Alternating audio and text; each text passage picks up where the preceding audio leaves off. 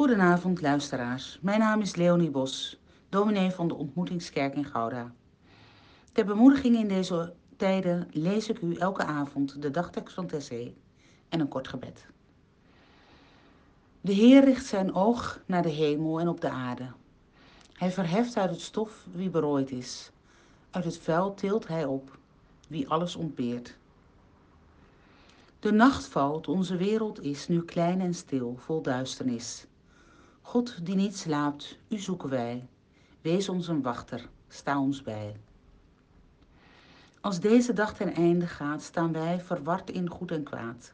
Voor u, o God, wij weten niet waar onder ons uw wil geschiet. De onrust blijft, fel is de gloed van alle angst en overmoed. Ons hart wil zwerven, zoeken tot het rust in u hervindt, o God. Het licht dat in ons midden brandt, houdt levend hoe van hoger hand de nacht aan banden is gelegd. Gij hebt de morgen toegezegd. Gij houdt het donker en het licht omvat.